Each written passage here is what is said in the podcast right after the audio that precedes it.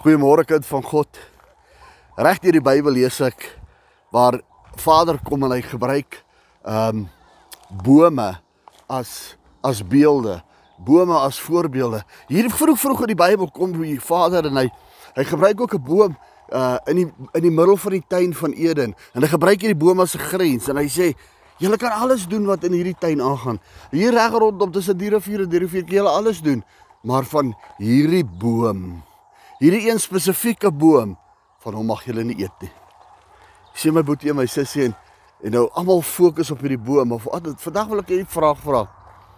Is daar nie dalk bome in in ek en u se lewens waarvan ons tog so mildelik eet nie? Is daar nie tog bome in ons lewens wat ons nou nie regtig sien as as 'n ding wat vir ons kan pynig nie en ons val in sondes? En daar's sekere bome wat ons aanhou eet en eet en eet en eet en eet terwyl God gesê het moet dit nie doen nie.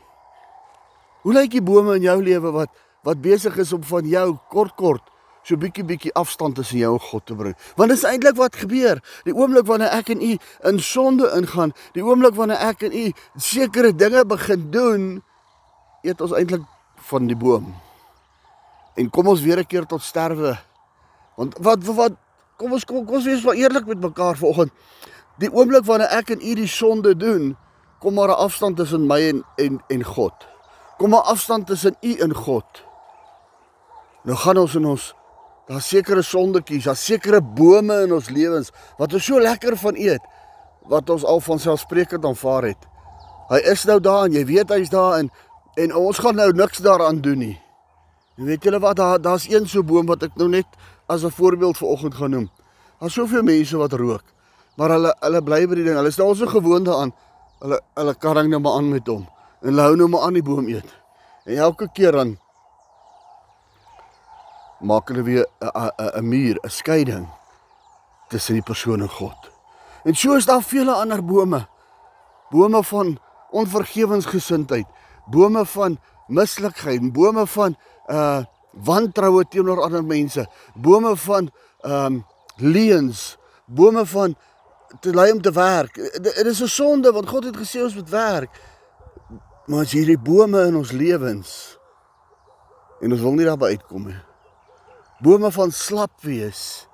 Die ou wat daar by die bad lê en eerste wat hy kon doen toe Vader ou Jesus met hom praat, hy sê: "Ag, ek is nou al so lank hier en niemand he, doen iets vir." Dis 'n boom in ons lewe.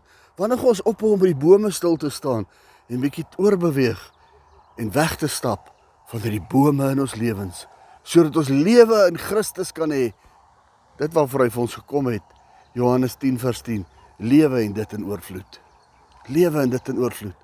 Kom ons hou op en stop met die bome om van die sekere bome te eet. Want daar's soveel ander. Galasiërs 5 vers 22. Die vrug van die Gees hang daar van my en jou. Vrede uit hierdie dag in Jesus naam. Amen.